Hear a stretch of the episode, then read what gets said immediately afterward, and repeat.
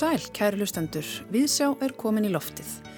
Við Halla Harðardóttir og Tómas Ævar Ólafsson heilsum ykkur hérna úr efstaleitunu þriðdægin 20. og 8. november. Viðsjá hefst hér á nokkrum tónum af plötunni Romantic Guitars. Lægið er The Greatest Love of All sem flestir þekkja eflust í flutningi Whitney Houston en hér er það leikið af breska gítarleikaranum Robin Hill. Og við spilum þetta lag af, af sérstöku tilitni því það er óbein vísun í þetta ljóð. Spendýrin eða hvernig skal skipta fólki í tvo hópa. Í augum Silju Högstóttur eru þessar tvær manngerðir til. Svo sem kann að meta Tóni Erdmann og svo sem kann það ekki. Tekundir það, en þetta líka. Þau sem vilja drepa og hinn sem vilja hlýfa kvölum við Kristjáni Loftsinni. Það var auðvitað leikonan Sandra Huller sem fluttið The Greatest Love of All í kveikmyndinni um Tóni Erdmann. Ljóð þetta er eftir Braga Ólafsson og kom út fyrir nokkrum dögum í bók hans og Einars Arnar Benediktssonar sem nefnist út úr mátunarklefunum, fleiri fjórar línur og titill og þrefalt færri fjór línungar. Við munum taka þá tali í þætti dagsins um teknikarnar og ljóðin sem þar byrtast. Einnið heyrum við að ljóðabók sem var að koma út, Vöggudýrabæ, eftir Kristján Hrafn Guðmundsson. Bókin fjallar um þær konur sem að neittust til að setja börnin sín á vöggustofur. Bókina byggir Kristján Hrafn á reynslu ömmusinnar og móður sem að þurfti, eins og segir í bókinni, að fara í húsið kalda þar sem að tilfinningar þóttu tabú, hlýju var vísað á dyr og alúð afskrifuð. Afplánunin tók tvö ár. Við ræðum við Kristján Hrafn hér á eftir, en fyrst er það leikúsið. Eva Haldóra Guðmundsdóttir fór að sjá orð gegn orði í þjóðleikúsinu.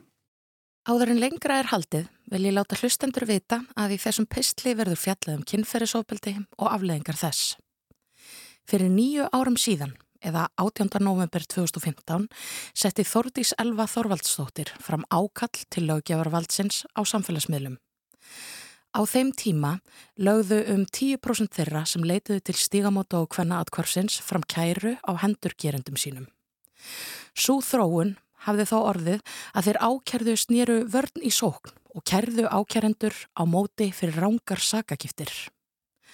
Ákalli snýri að því að setja þyrti lög sem treyðu að kærur fyrir rángar sakakiftir gætu ekki verið lagðar fram fyrir en eftir að kynferðisbrótamál hefði verið leitt til lykta í réttaverslukerfinu vegna þess hversu mikinn fælingamátt það hefði fyrir þólendur að þurfa að leggja á sig kæruferlið og sæta ákæru samtímis. Verkið Orð gegn orði var frumsynt í þjóðleikusinu 17. november síðastliðin. Leikritið fjallar um ungan og afar farsalan verjanda sem endar í vitnastúkunni eftir að hafa orðið fyrir kynferðslegu ofbeldi. Tessa Ensler, leikin af Eppu Katrínu Finnsdóttur, er á framabraut og er strax farin að vekja aðtikli stóra lögfræðistofa vegna velgengni sinnar í réttarsalunum. Þrátt fyrir að hafa alist upp við erfiðar aðstæður í Breitlandi hefur hún brotið sér leiði gegn margvíslega múra á starfsferlinum. Hún kemur áhörfundum fyrir sjónir sem hrókafull, klár og harðdugleg kona sem innbeitt klífur meturastegan. Tessa hefur óbylandi trú á lögunum og metur það siðferðslega skildu sína að benda á misræmi í frásögnum vitna því öll eru við jú saklaus uns sagt er sönnuð en þegar Tessa þarf að treysta á réttarkerfið til að fá réttlætinu framgengt finnur hún talsvert misræmi millir eigin upplifunar og þeirra frásagnar sem verður til í réttarsalunum. Orð gegn orði eða Prima Facie á frummálinu er eftir ennsk-ástrálska leikskáldið Susie Miller. Verkið er hárbeittur einleikur sem tekst á við kynferðisofbildi og réttarkerfið af innsægi og áleitni. Miller býr til trúverðuga personu sem er heldur óviðkunnanleg en nær að vekja henni vegna atbyrðarásarinnar og viðhorsbreytingar hennar. Miller flakkar með okkur fram og tilbaka í tíma en heldur þó mestmægnis línulegri frásögn í framvindu verksins. Í tekstanum sjáum við hvernig viðhorf tessu til fólksins í vitnaleðslum hjá henni afhjúpast.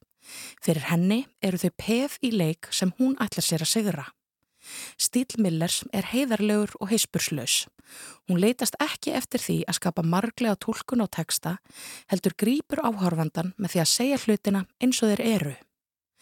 Þýðing Ragnars Jónassonar nær kjarnirtum stíl tekstans. Orðfærið sem Ragnar ljáir tessu í réttarsalnum og vinnustæðnum er vel nýtt og býr til fjarlægð frá umfjöldunarefninu. Til dæmis í vitnaleðslum verður til fjarlægð með formlegheitunum í talsmóta hennar í takt við gjá, milli tessu og upplifin þólendana sem hún yfirherir. Þegar líður á verkið fer þýðing Ragnars á flög og verður einlæg og heiðarleg. Orðanótkun hans færir verkið nær okkur og er það virkilega þakkarvert þegar kemur að jafn viðkvæmum efni við og lýsingu á kynferðsóbildi. Lýsing Jóhanns Fridriks Ágústssonar rammar verkið vel inn. Á sviðinu er stór ljósagrind sem myndar eins konar rúðustrykað minnstur og þrjá veggi umhverfis leikmyndina. Grindin er svo nýtt til að afmarka rými, búa til andrumsloft eða aðgreina senur sem flakka í tíma. Í sumum senum er lýsingin gífurlega falleg og næra íta undir tilfinningu í þeim eins og þeirra Tessa lýsir ofbeldinu sem hún verður fyrir. En í öðrum dregur hún aðtegli að sér sem er óþörf eins og þeirra Tessa heimsækir móður sína er ein ljósrák á allir í grindinni sem ég skildi ekki hvort að hafi verið skilin eftir fyrir meistök eða ætti að vera eins og til dæmis flúorpera fyrir ofan eldúsbekk. Leikmynd og búningar Finns Arnars Arnarssonar mynda skemmtilega andstæðu við ljósagrindina á sviðinu. Finnur dansar á línu raunsæðis og nota realísk fött og hluti til að færa okkur nær raunveruleikanum. Borð, stólar, bókahillur, dökkir viðarpallar í grári og brútni litapalettu mynda lögfræðiskrifstofana og réttarsalinn. Tónlist Gaugusar gefur verkinu fyrirbæra fræðilegan blæ og hún leikur sér með skinnjun líkamanns. Hún vinnur einstaklega vel með ráftónlist í mjúkum dubstep stíl og notar í taktin lifandi hljóðfæri, leikur sér með hjarslátt og tilfinningaríka söngteksta. Ebba Katrín Finnsdóttir er reynd út sagt stórkostleg í hlutverki Tessu Ensler. Með hárfínum og fimmlegum handarhefingum, breytingum á svipbreyðum eða líkamstöðu nær hún að skipta milli persóna í frásögn eða grípa augnablík til að hreyfa við áhorfendum.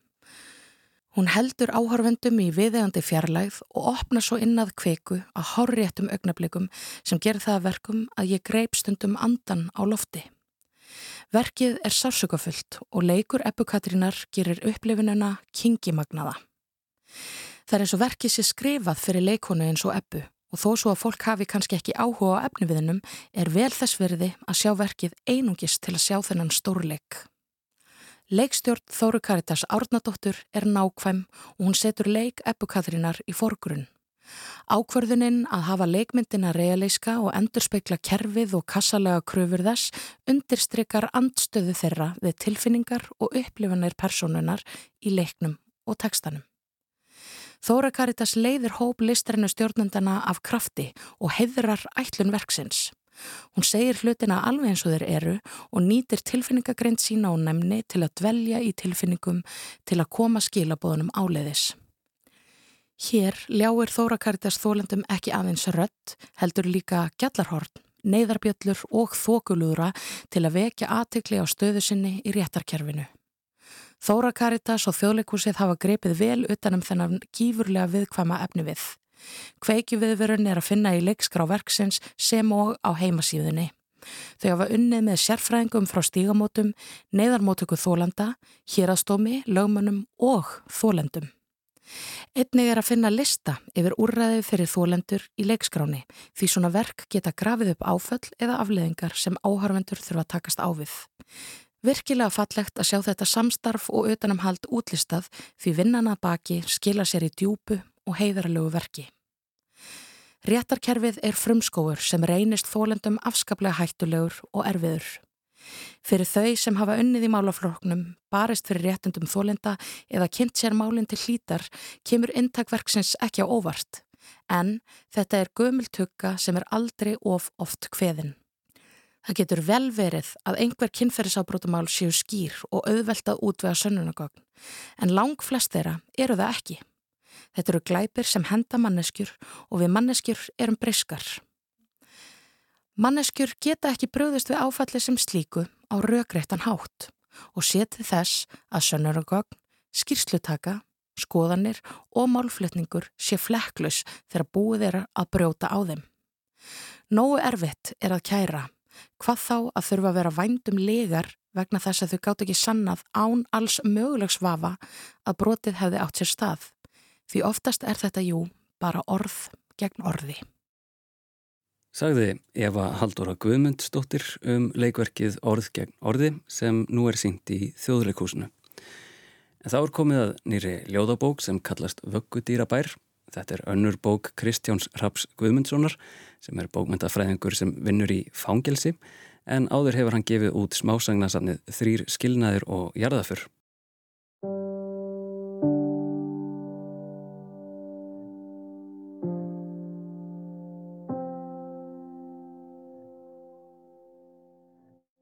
Kristján Rapp Guðmundsson, verður velkomin til okkar í Vísjá. Takk fyrir það. Og til hamingi með vöggu dýrabæ, falleg en frekar átakanleg saga, eða ljóðsaga kannski. Má ekki kalla þetta það? Jú, það er uh, undir titillin eða, eða sagt, skilgjörningin vist á þessu. Svo var það svo sem hægt að diskutera hvenar uh, ljóðabók er orðin ljóðsaga. En, en kannski vegna þess að þetta er samhangandi frásögn, það væri líka hægt að kalla þetta ljóðabálk, eitthvað, eitthvað, eitthvað slíkt en, en En allavega, þetta er kannski ekki alveg bók þar sem maður opnar einhver staðar, þetta er ekki, þú veist það sem lest bara stakt ljóð einhver staðar inn í bókinni eða aftarlega. Já, ég mæl allavega sjálf með því að byrja bara á upphafinu og lesa hann í einum rikk til enda. Já. Það hendaði mér vel. Sko, rifjum aðeins upp uh, þessa sögu, vöggustofur.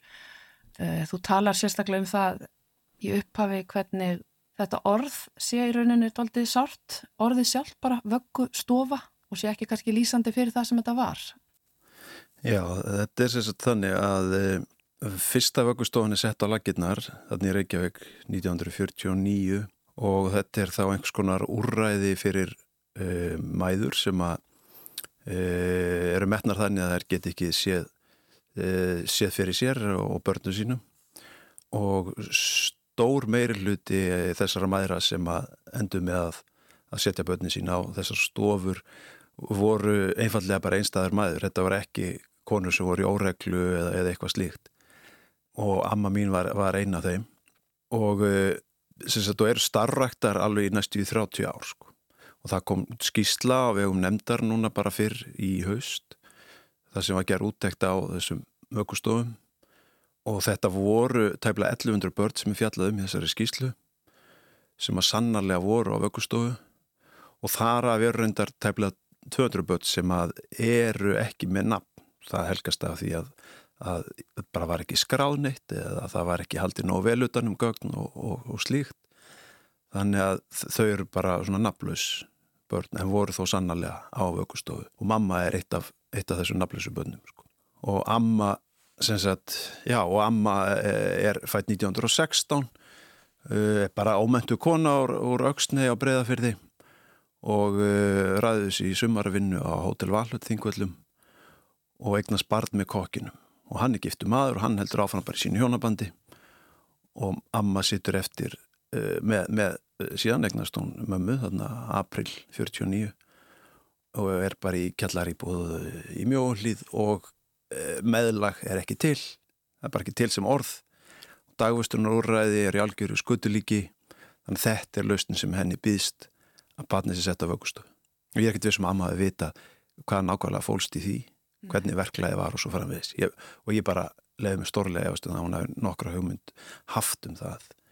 Einmitt, eins og segir þá gerðu þessar konur bara yllir en auðsin að setja börnið sérna og höfðu og öruglega byggust í því að þau væri bara það væri vel hugsa um það þetta eru sagt, börn sem eru já, félagslega illa stödd bara vegna þess að það var einmitt eins og þú segir ekkert kerfi sem að greip en svo kemur auðvitað í ljós þegar þessi skýrsla kemur og það var auðvitað komið í ljós fyrir af sögum fólks að það var bara ill meðferð á þessum ökkustöðun Já, eftir að ég, ég las greinargerðir Árna Kristjánssona sagfræðings, ég lustaði á þátt Viðars Eggertssona sem hann gerði hér á, Ríkisútarpunni fyrir 30 árum.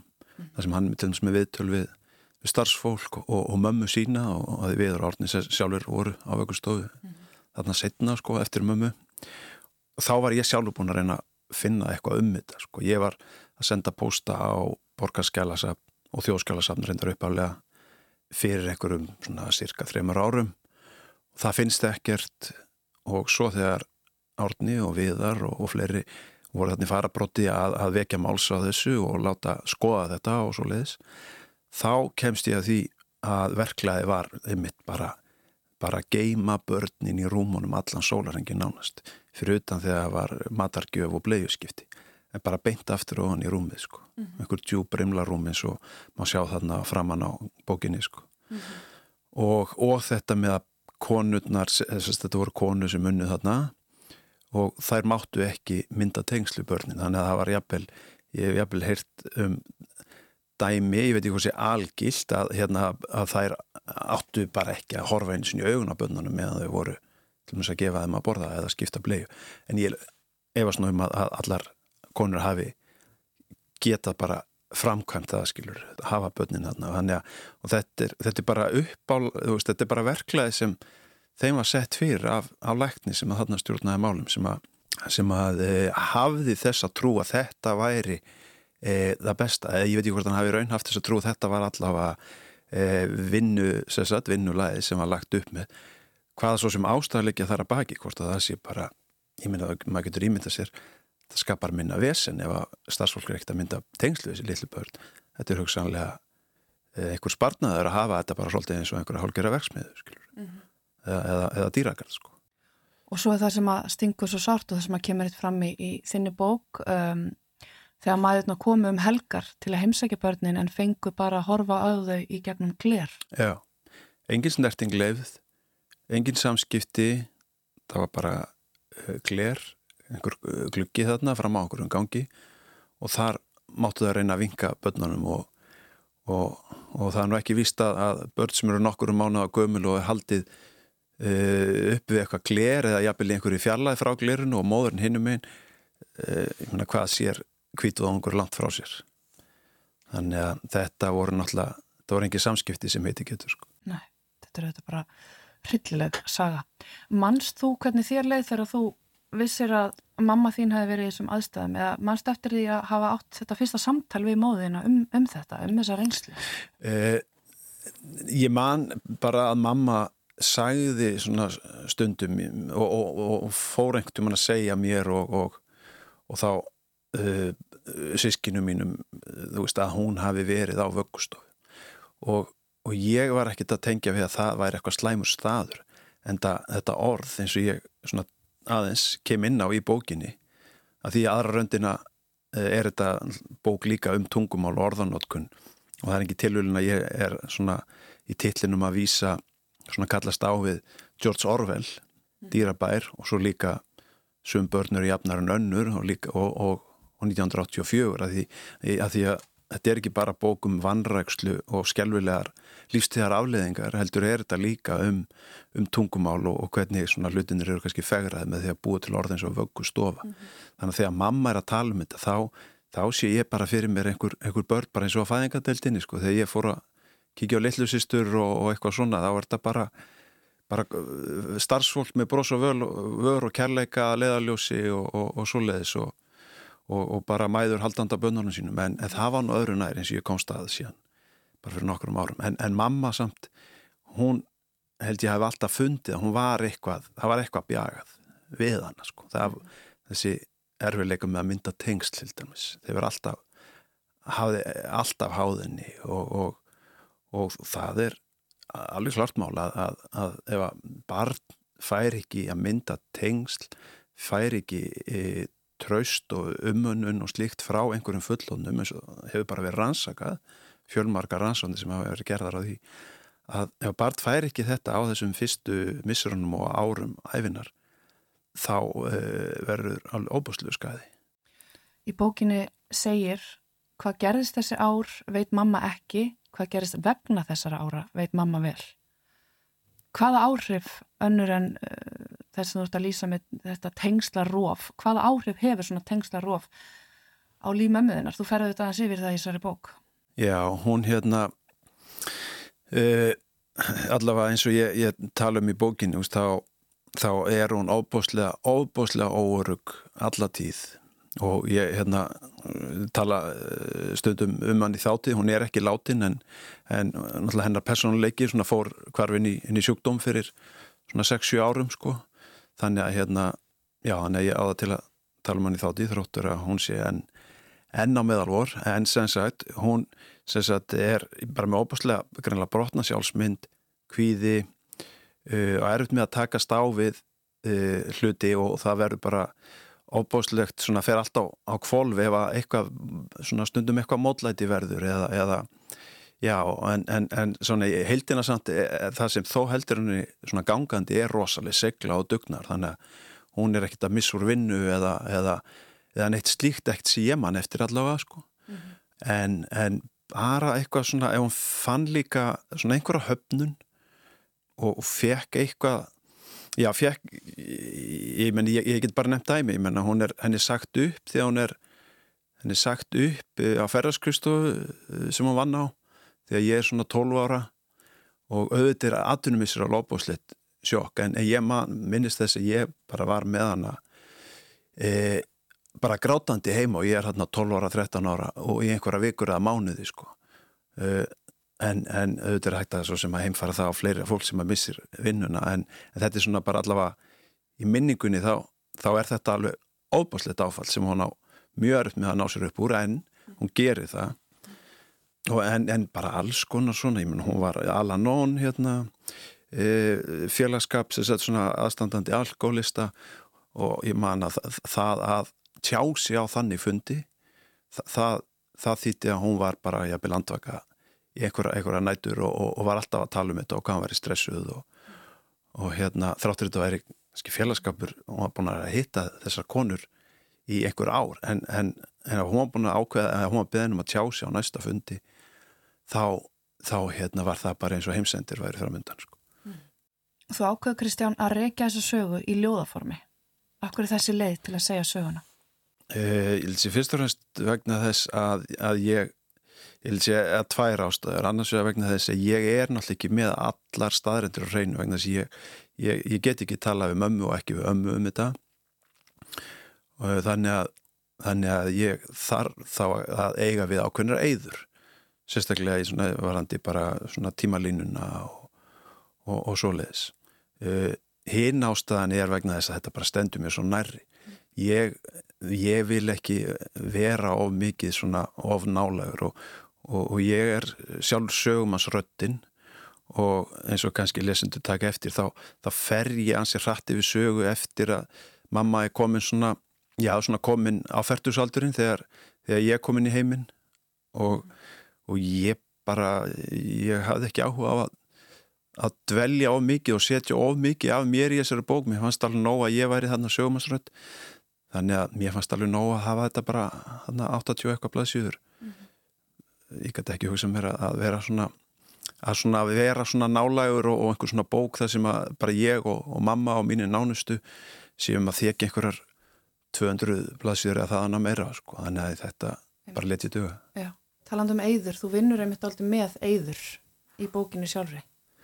Já, já, það er bæði þessar eyður sem ég er að tala um og svo er svo er mamma og sagt, hún sem vöggustofubarn er eigða mm -hmm. því hún er ekki til í papirum og svo er uh, vöggustofan ákveði eigðiland eigðiland uh, skorts á ást og nánd alúð mm -hmm. svo framvegis mm -hmm. Þú vinna líka alltaf með kvítalitin og svona kulda Já, það er það sem mamma meir og minna hafið fyrir augunum í tvö ár frá, frá um það byrja hálsásaldri það var hvít loft mm. og hvítir veggir og, og, og hvítar konur í hvítum sloppum sko. Þú segir að mammaðin sé horfininn í sjúkdóm þannig að hún, hún er ekki að lesa þessi skrifðin Nei því miður, hún, hún nær því ekki en ég án og eftir að hérna e, skil lesa þetta fyrir hann, ég án og velti fyrir mig hvort ég eiga gera það og svo veit maður ekki hvað á meðtekur mikið og hvort þetta sé þá frekar til þess að skapa eh, eitthvað neikvæða tilfinningar, ég veit það ekki. mm -hmm. þannig að hérna en ég mun uh, hugsanlega lesa þetta fyrir hann að hann á hjókunna heimilinu kannski núna á aðvendunni mm -hmm. Er þessi þörðin fyrir að skrifa sögu móðuðinnar og ömmuðinnar auðvitað líka um, er þetta uppkjör fyrir hanna eða sjálfaðið eða bara fyrir öll þessi börn? Ég held að sé bara allt í blandi, já mm. uh, ég allavega fann þessa þörf eftir að ég uh, komst að því þarna fyrir hvað svona þreymar árum tæplega kannski að það var ekki til þá, þá kom þessi þörf allavega þá fór að sækja á mig línurnar í fyrstu línurnar í, í bókinni sem fóru á blað. Uh, en já þá, það má segja að þetta sé hluti af, af hérna drivkraftinum að, að setja sögu mömmu á blað setja sögu ömmu, hennar aðstæður og um leið bara fyrir öll þessi börn sem þurftu að gang, undirgangast þessa skjelvingavist og fóröldra þeirra. Mm -hmm. En eins og þú segir þá, kannski nefndir aðeins áðan, þá er þetta ekki bara svona personlegt og tilfinningalegt uppgjör, heldur þetta líka bók um tungumálið og, uh, og ójöfnuð.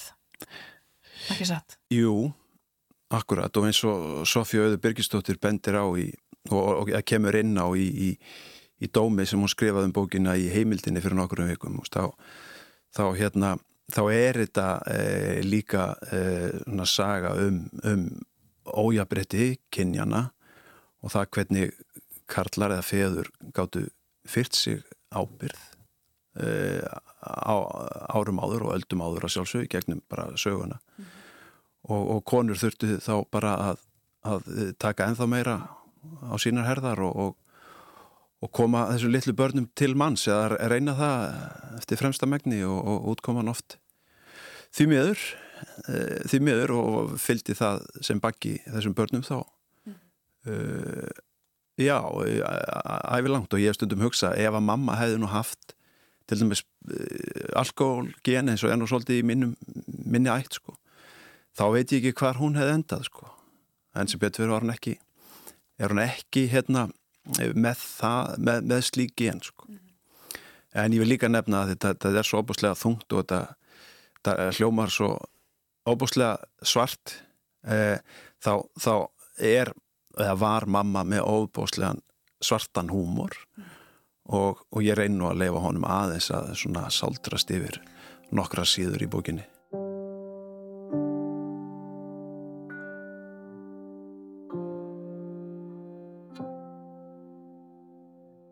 Stofurnar mætti kannski kalla forsmekk að rúmensku hælunum Í Reykjavík var þó valið orð sem þótti eflust smeklera eða meira aðlaðandi en orðið hæli. Hvað þá með fyrirpartin munaðarleysingja. Vagga ber í sér merkinguna líf, von, framtíð. Stofa táknar heimili, samverustaf, fjölskyldu. Ég satt í stofinni heima með fóreldrum mínum þegar Rúf síndi þáttinn um rúmensku börnin, vaggandi sér í rúmi berjandi sig með vegg. Hvað allir reikvísku börnin hafi gert í sínurúmi? Vöggu. Þegar enginn kom að vitja þeirra þrátt fyrir þrótlausan grát. Sem kvítvóðungur kom hún í húsið kalda þar sem tilfinningar þóttu tapu. Hlýju var vísað á dyr, alúð var afskrifuð. Afplánun tók tvö ár, afleðingar stóðu æfina á enda.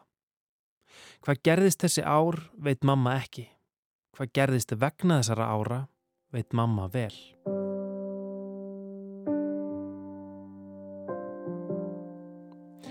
Á hótel Valhöll er 33 ára maður inn í eldhúsi. Kona litlu yngri á þönum um rýmið. Hann, kokkur úr borginni sem saði já við bóði um sumarvertíð á söguslóðum.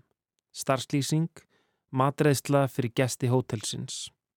Hún, leitandi fljóður auksnei sem let æfintýra þrá teima sig til þingvalla sumarlánt, starfslýsing, aðstofið matreðslu og annað tilfallandi.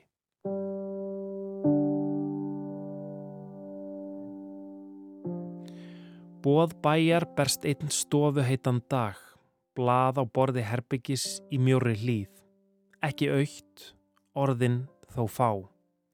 Tólf vikna mjölkurmunvik hjalar sógljóð berst frá pelatútu, vellingspottur mallar. Stíbla í móðurbrjósti, þungi, orða á blaði, umtalsverður. Vöggustofa er það heitlinn. Heitlum horfin heimur gránar, leiga grákvítra veggja hækkar endar mætast ekki. Gap ginnunga gapir.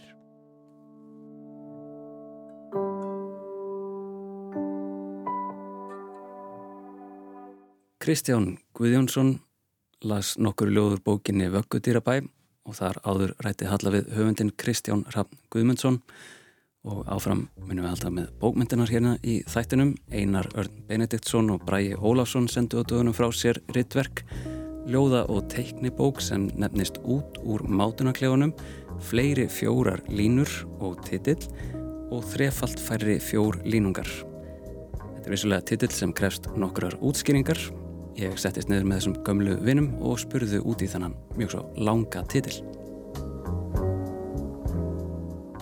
Baksagan er sko að við gáfum, eða ég gaf út uh, í smáritum smekklisu fyrir svona, já, 2006 eitthvað fjóra línur og titill, uh, svona pínulilla bók með, með því formi. Og svo gáfum við einar út saman mátunarklefan og aðrar myndir sem voru litlir prósar og tekningar frá einari. Sjálfstæð verk sem satt hvort, hvort um sig. Og svo ákvaðum við bara að, að, hérna, að það væri já við þurftum aðeins að stækka formið. Þetta er ekki lengur smárit þetta er í svona tímaritsbroti og með sem sagt fleiri fjórum línum og tillum mm. og en að vísu þrefalt færri fjórlíningum en ljóðin, sem sagt einar teiknar teikningar með fjórum línum það er bara mjög svona strikt form mm -hmm. Það er mjög myndrænt að því að ég segi alltaf við gerum fjóra línur og hér er ég með hendina fjó, með fjóra putta út og mm. þumallin er titill og svo teikna ég fjóra línur mm. og þær eru þá hendin upp og niður. Þannig að, að ég er með svona les ljóðinars braga sem eru fjóra línur og margir kannast við formið fersketla en þetta er ekkert ferskettlur þetta er ekki, það eru ferskettlur þetta eru mm. fjóra línur mm. og titill, nei þetta er eiginlega titill og fjóra línur. Já, já, þú getur hugsað um þannig. Já, þannig já, það er titill er... og svo eru fjóra línur. Mm.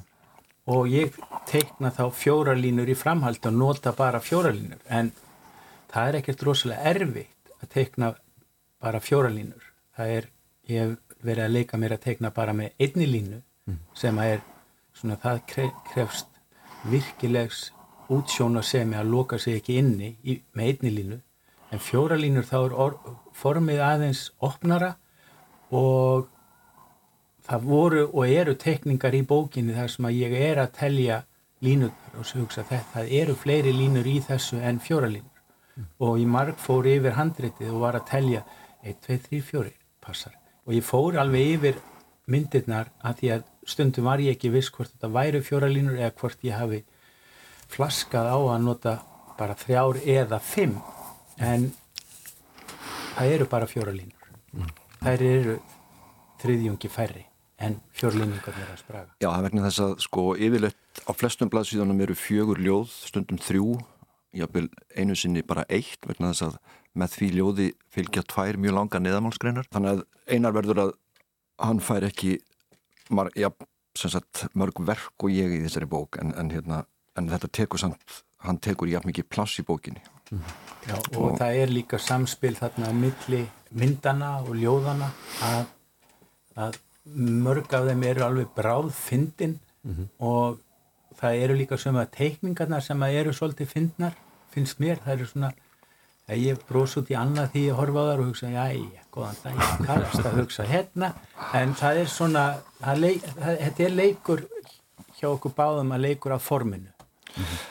Já, þetta er náttúrulega, uh, að því, að því eina segir að þetta er, þetta er ekki ferskellur, uh, ég hef náttúrulega verið spurðustundum að því, þegar fólk spyr mjög út í þetta á þess að hafa séð þetta, þetta er ekki hægur, þetta er ekki töngur, þetta er semst á milli hæga og tankna, en Ég leiði mig samt sko að því vegna þess að þetta er svo takmarkandi form, svona fáar línur og ég get ekki teikt sko línurnar út í það óendanlega.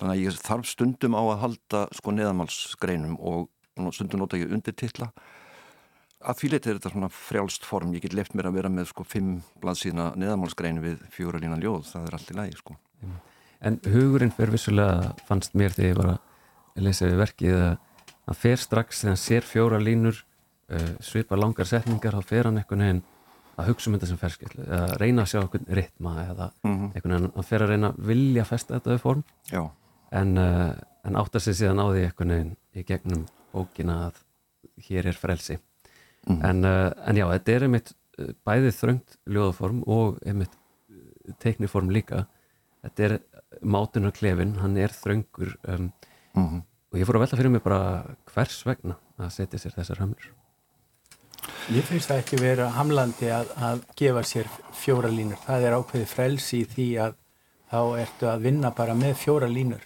og ert að teikna þær og það er, það er mikla frelsi eða einhver myndi segja gerði 90 línur mm. að það væri miklu, það væri meira heftandi að því þá þurfti ég að vera að tellja allan tíma alveg bara. Og svo var ég konu upp í 73 ár og svo myndi ég gleyma að ég var konu upp í 73 og þurfa að byrja aftur. Það er, það er bara höft.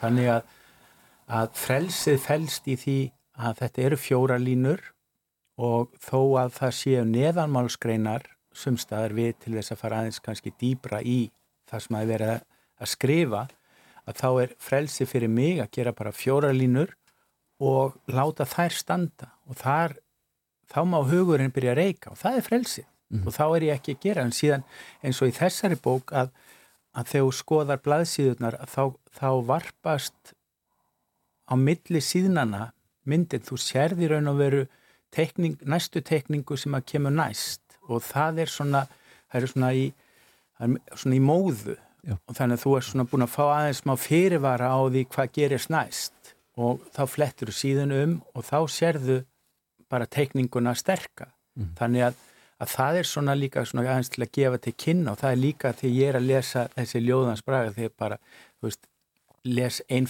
títil og fjögur að þá hugsa ég, já já, hvað gerist næst? Mm og þetta var nú meiri vittlisann og skellir hlægi og hvernig getur þetta haldið áfram? Og þá heldur þetta bara áfram. Þetta er alveg óstöðandi flæði sem er í gangi. Og að hafa allar þessa ferskellur með þessum texta og þegar ég hef lokið lestri á bókinu þá svona ég, það kallast ekki andvarpa þá, bara, þá blæs ég mæðinu og segja þetta var nú einhver lestur. Og, bara, og er kátur. Mm. þannig að, að þetta er svona þá er ég komin út um átunarklefanum og þá er það svona ok, hér er ég Það er alltaf líka en, en sko gamlu sannendi að, að, að, að stramt form gefur þér meira frelsi vegna þess að ef þú ert sko setur þér enga reglur þá runni þá endar alltaf út í móa sko. og í byllinu Já, og líka bara eins og til dæmis Ed, Edgar Allan Poe sagði það er ekkert það er ekki tilneitt sem að kallast langt ljóð sem að ég held að sé rétt Já. og síðan alltaf til mörg þúsund lína ljóð í bókmyndasögunni þá þá er þetta bara svona einan fullirðingum sem, sem að ég einhvern veginn tek sem sanna sko. mm -hmm. og uh, ég, ég mynd veldi svolítið mikið fyrir mér uh, samskiptum uh, ljóðana og, og, og tekníkana um, koma ljóðin fyrst og eru tekníkanar svona fylgja þar og eftir og svara eða koma tekníkar fyrst og, og ljóðin tala við þau eða er þetta alveg sjálfstætt í sikvari rými? Ég held að bara okkar persónuleika við erum búin að þekkja svo lengi eins og stendur aftan á bókinni frá því að við vorum 12 ára að, að, að við, við þekkjumst þekkjum inn á hvern annan uh, hvort sem það er húmor hvors annars eða, eða bara karakter hvors annars þannig að ég held að, að við, þetta er ekki sko, tekningarnir er ekki minnskreitingar við ljóðin mm -hmm. og ekki öldur öfugt þannig að þetta er alveg sjálfstæði verk en, en en ég skinnja bara þetta eins og eina sagði sko það er marga teikningar það eru svo komískar mm. og eflaust síast þær bara svona inn í mig að ég er náttúrulega búin að fylgjast með teikningum einas bara frá því 83-4 eitthvað svo leiðis hérna, þannig að ég já, ég, ég svona þó að hans ég alltaf að endur nýja sig og breyta svona þú veist, bara halda nokkra síningar, þú veist, það er alltaf breytingar alltaf tróun á milli. Ja. þá þekk ég karakterin, það er alltaf þessi karakter sem til staðar og hann hefur áhrif á mig. Og hann hefur, Bræi hefur áhrif á mig að því að við erum um, í samtali á hverjum degi. Ég held að líðið var alltaf svo dagur að, að, það, að við vörpum ekki á okkur á hvern annan einhverjum orðum. Þó það sé ekki hnjóðsýrði þá hérna þá erum við að, í samtali og þegar við byrjum að ræða um mátunaklefan eða út úr mátunaklefanum að þá, þá dett ég alveg inn í hver tilgangurinn er. Og það er að vinna með þetta form, með þessa fjórartekningar og ég segi ekki hvað, hvað áttu við. Og svo er Bræi var Bræi núna bara í síðustu viku segi ég komið með hugmynda næstu bók. Og ég segi á og hann útskýrir hana fyrir mér og þá svo líður eitt dagur og þá fer ég og segi við bara hérna næsta bók þá er hún svona og svona og svona þá segir hann uh, já það er það sem ég var að segja mm. og þannig að við erum alveg að hugsa í, á, á, á sömu braut og við þurfum í raun og veru ekki að gera komplementar á hvern annan að því að við erum að vinna að sama verkin mm. þannig að, að þetta er ekki uh, þetta, þetta er ein heild verki sem slíkt og þetta er bókverk og hérna og það er og, og, og þetta þessi stærð á bókinni að, að við vorum að passa okkur að þetta er ekki eins og auglýsingabæklingur og, og hérna, en það sem að kemur bara inn um lúuna og, hérna er því síðan hend uh, Já, og svo þessi ef að verður af framhaldsbók sem er þá þriðja bókin í runni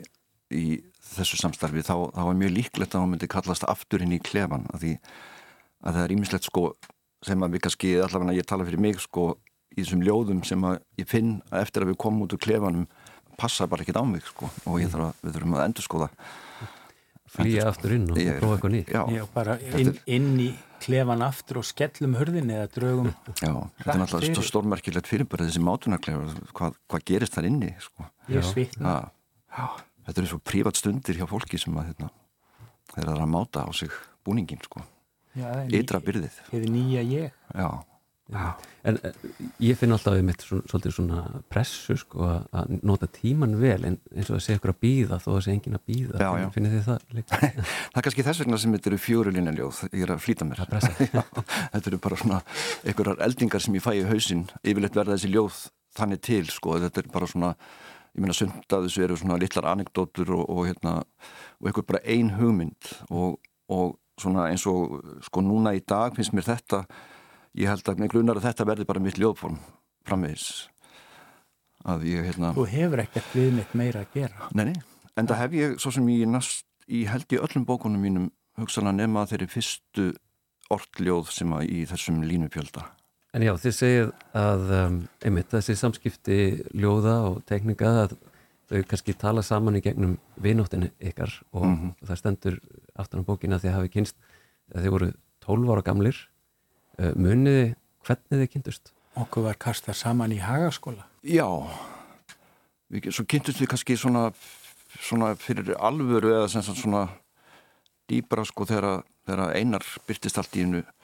Það er mjög fyndið að sjá sko skólamyndindar, bekkjarmyndindar af, af hérna, bekka einars. Við vorum ekki í sama bekki í, í meðlaskóla og ekki heldur í hagaskóla.